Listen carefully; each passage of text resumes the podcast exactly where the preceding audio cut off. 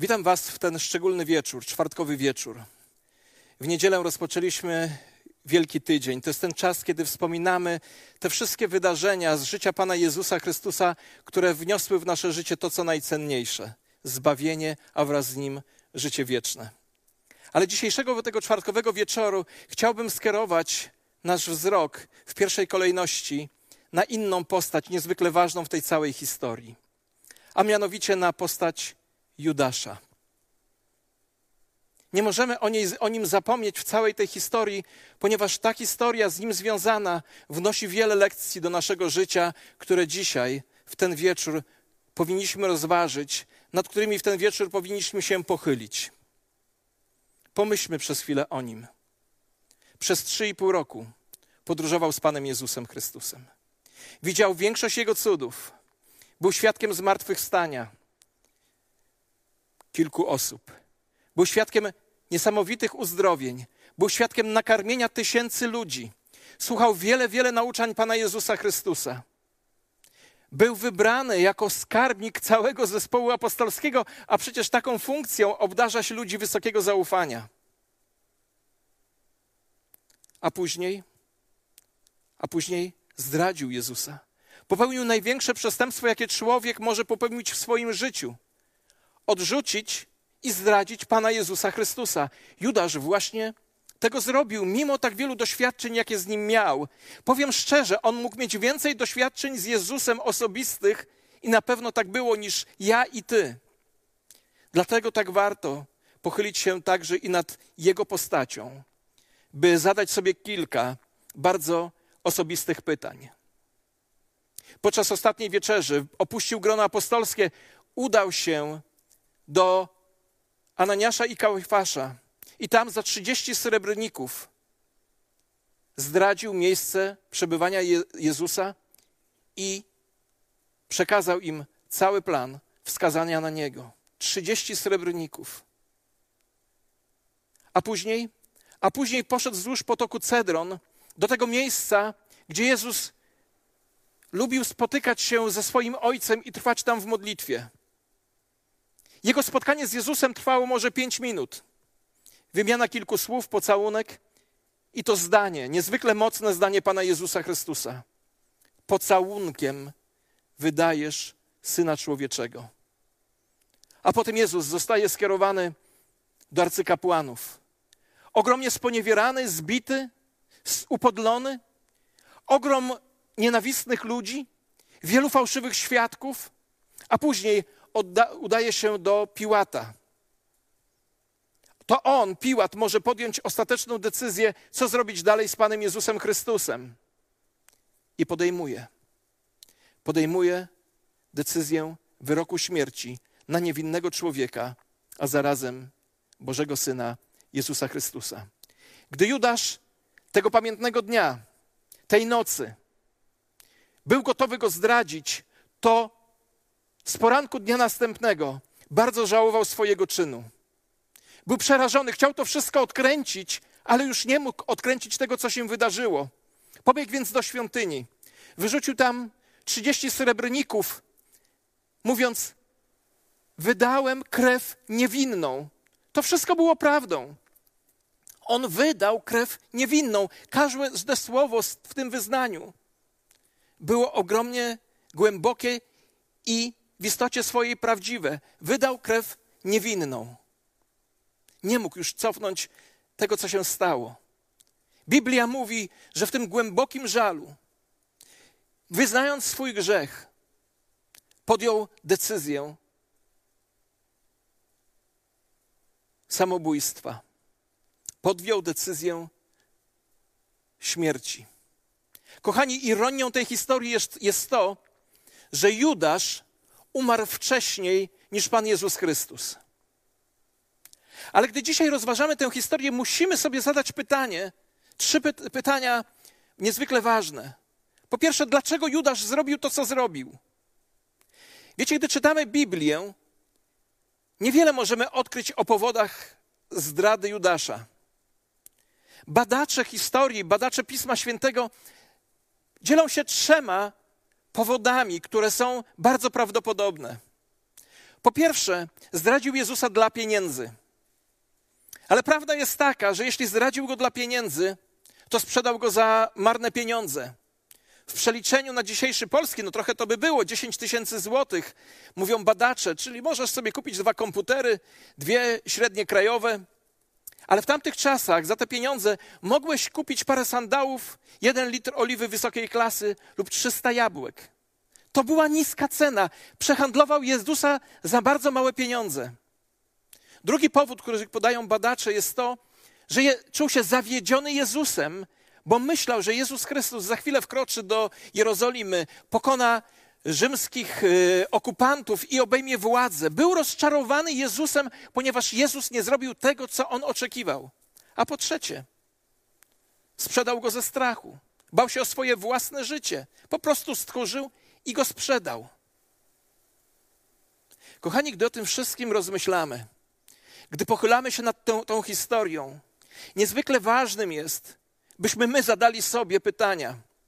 Bardzo ważne pytania, bo zobaczcie, można być tak jak Judasz blisko Jezusa Chrystusa, można słuchać Jego nauczania, można widzieć Jego cuda, można doświadczać y, zatrzymania burzy, nakarmienia tysięcy ludzi, można doświadczyć wiele, wiele rzeczy, a mimo wszystko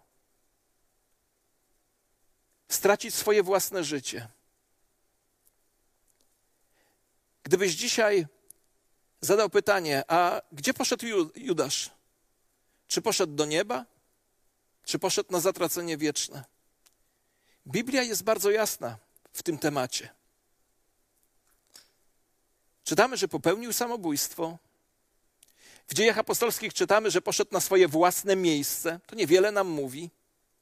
Ale gdy Jezus mówi o Judaszu, nazywa go synem zatracenia. Judasz, syn zatracenia. A apostoł Paweł zatraceniem nazywa oddalenie od Boga, potępienie wieczne, oddalenie od Boga i od mocy Jego chwały. Więc dziś, gdy dziś zadajesz pytanie, gdzie poszedł Judasz, to Biblia, nazywając go synem zatracenia, mówi o tym, że poniósł on zatracenie wieczne, oddalenie od oblicza Bożego. Kochani, ale ta cała historia Judasza musi nas skierować do nas, na, naszego własnego życia. Bo skoro Judasz był tak blisko Jezusa, widział tak wiele rzeczy czynionych przez Jezusa, widział tak wiele cudów, które on czynił i sam doświadczył wiele różnych rzeczy, musimy sobie my zadać pytanie, ponieważ jako ludzie wierzący mówimy o sobie, że jesteśmy blisko Boga, musimy sobie zadać też te pytania, które stawiamy Judaszowi. Pierwsze pytanie: za co jestem w stanie przehandlować Jezusa? Skoro Judasz go przehandlował, będąc z nim blisko, muszę sobie zadać pytanie, za co ja jestem w stanie przehandlować Jezusa? Może za wyższą pensję, za lepszą ocenę, za karierę, za małżonka, za wiele, wiele innych rzeczy, które świat mi oferuje. Muszę sobie zadać dzisiaj pytania, a za co ja jestem gotów przehandlować Jezusa? Drugie pytanie. Skoro zdradził go, bo był rozczarowany, muszę zadać sobie pytanie, a w czym Bóg mnie rozczarowuje? Może od lat modlę się o lepszą pracę i ta praca nie przychodzi, jestem rozczarowany Bogiem. Może modlę się o współmałżonka i nie mam go, jestem rozczarowany Bogiem. A może mój mąż czy moja żona opuścili mnie, zdradzili, jestem rozczarowany Bogiem. A może moje dziecko wyszło z domu i nie chce mieć z nimi, ze mną nic wspólnego, modlę się nie ma odpowiedzi. Jestem rozczarowany Bogiem. A może modliłem się o czyjeś uzdrowienie, a potem stałem nad jego grobem. Jestem rozczarowany Bogiem. Dzisiaj, stojąc przed historią Judasza, muszę sobie zadać to pytanie: a w czym Bóg mnie rozczarowuje? I trzecie, on zdradził go dla pieniędzy, dlatego że go rozczarowywał, i ze strachu. Czy ja też z powodu strachu jestem gotów pójść i zaprzeć się Jezusa, wybierając kompromisy życiowe? Kochani, to są niezwykle ważne pytania. Historia Judasza do takich pytań musi nas zmusić, ponieważ to przytrafiło się człowiekowi, który przez trzy i pół roku żył w niezwykłej bliskości z Jezusem. Stąd te ważne pytania dotyczące naszego życia.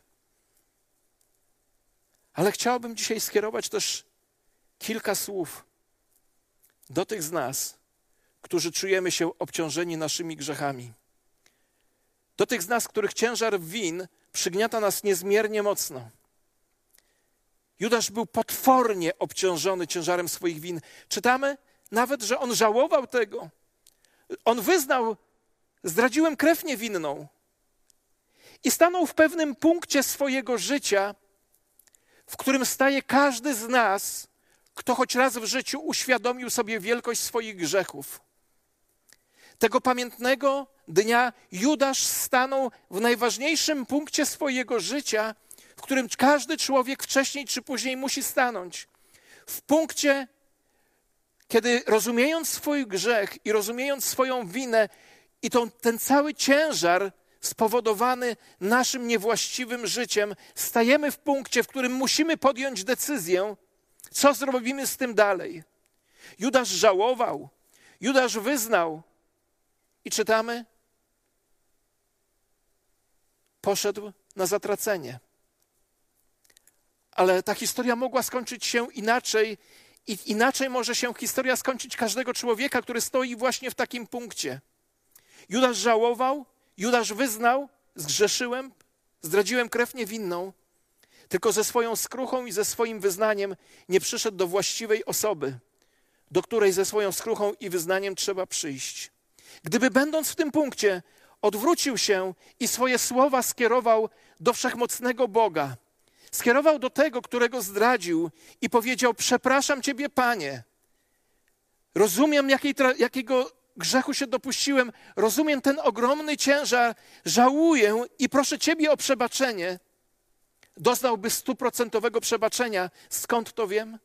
Bo Biblia mnie o tym zapewnia, że bez względu na to, jaki jest ciężar moich win, jeśli je wyznaję Bogu, to wierny jest Bóg i sprawiedliwy, odpuszcza nam nasze grzechy i oczyszcza nas od wszelkiej nieprawości. Zobaczcie, Piotr zapał, zaparł się Jezusa tego samego w tych samych chwilach trzykrotnie, ale zwrócił się do Jezusa o przebaczenie i tego przebaczenia otrzymał. Judasz doświadczył poczucia winy, doświadczył ogromnego ciężaru tego, co zrobił, ale jego zwrok nie poszedł do tego, który mógł przebaczyć mu grzechy, lecz pogrążony w żalu, w smutku, poszedł i wykonał wyrok śmierci na sobie samym. I jak Biblia mówi, jako syn zatracenia, poszedł na zatracenie wieczne, oddalenie od oblicza Bożego i od mocy chwały Jego. Jak mówiłem, historia Judasza stawia trzy pytania nam wierzącym. Za co jestem w stanie przehandlować Jezusa? W czym Jezus mnie rozczarowuje? i czego się boję, jeśli chodzi o moje świadectwo dla innych, ale ta stawia też pytania dla tych z nas, dla tych z Was, którzy stoją właśnie w tym punkcie. W tym punkcie decyzji, wyboru, do kogo zwrócę się z wyznaniem moich grzechów i kogo poproszę o przebaczenie. To jest punkt zwrotny życia każdego człowieka. To jest punkt, w którym staje każdy człowiek. Historia Judasza mówi nam: nie idź jego drogą. Nie wydawaj na siebie samego wyroku z powodu Twoich grzechów, ponieważ z powodu Twoich grzechów wyrok padł na tego jedynego Jezusa Chrystusa i to właśnie do Niego masz się zwrócić z wyznaniem swoich grzechów. A Biblia mówi, że jeśli to uczynimy, wierny jest Bóg i sprawiedliwy, oczyści nas od, z naszych grzechów i oczyści nas od wszelkiej nieprawości. Dzisiaj, kochani, tego wieczora chcę Was wszystkich zachęcić, byśmy stojąc w tym punkcie na rozdrożu, zwrócili swój wzrok na tego Jezusa, który wszystkie nasze grzechy wziął na siebie, który zaniósł je, je na krzyż i w Jego ranach jest nasze uzdrowienie i przebaczenie naszych grzechów i zwracając się do Niego o przebaczenie, żebyśmy doświadczyli tej totalnej ulgi, która stała się udziałem Piotra, który zaparł się Jezusa, ale nie stała się udziałem Judasza, ponieważ nigdy z wyznaniem grzechów do, Juda, do Jezusa nie przyszedł. Kochani, życzę Wam dzisiaj tego konkretnego wieczoru, lub kiedykolwiek będziecie słuchać tego przesłania, życzę Wam takiego wyboru, który skieruje wzrok na Boga, który jest hojny w odpuszczenie i gdy wyznajemy Mu grzechy, On je przebacza, a nikogo, kto do Niego przychodzi, On precz nie odrzuca. I Panie, dziękujemy Tobie, że w tym tak radykalnym punkcie naszego życia Nie musimy ponosić sami karę za nas, nasze grzechy, ponieważ Jezus już wziął tę karę w postaci swojej własnej śmierci. Daj nam wszystkim odwagę do tego, byśmy zawsze kierowali nasz wzrok na Pana Jezusa Chrystusa, który jest przebaczeniem, odpuszczeniem, który jest hojny w łaskę i w miłosierdzie. I za to Tobie, Panie, chcę dzisiaj podziękować. Amen. Zapraszam Was do udziału w naszych następnych wieczorach. Jutro w piątek o godzinie 19 mamy niezwykły wieczór, gdzie będziemy także spożywać wieczerzę pańską, wspominając śmierć Jezusa. W sobotę zaprasza nas młodzież, a w niedzielę o godzinie 11 będziemy świętować zmartwychwstanie Jezusa. Zostańcie z Bogiem. Krzysztof Zaręba, pastor społeczności chrześcijańskiej Północ w Warszawie.